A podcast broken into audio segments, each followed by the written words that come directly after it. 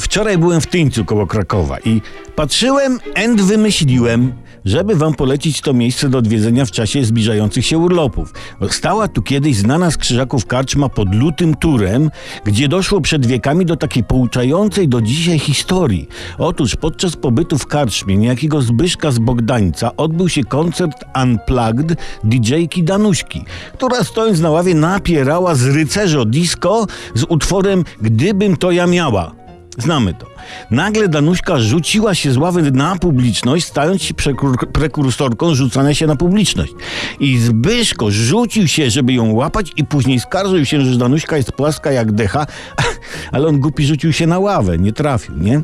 I kilka wieków później, nie pomny tej nauki, amerykański raper Coolio rzucił się ze sceny i nie dość, że nikt go nie złapał, to go jeszcze podeptali i ukradli mu buty. Tak było. E, I, i, i to, to, to podobno w tynieckiej karczmie król Jagiełło przygotowywał sobie cięte riposty na wypadek, gdyby krzyżacy przed bitwą przynieśli mu jakieś dwie rzeczy. Nie? Specjalista od wizerunku króla, niejaki pijarko z Bredni, założył, że krzyżacy przyniosą dwie płetwy. Ja, Jagiełło miał ich wtedy zgasić krótkim spływajcie pacany.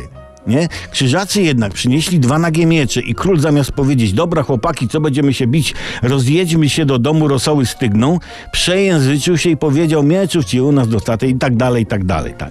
I, I tak właśnie to przejęzyczenie miało wielki wpływ na historię Europy, która trwa do dzisiaj nawet w Tyńcu.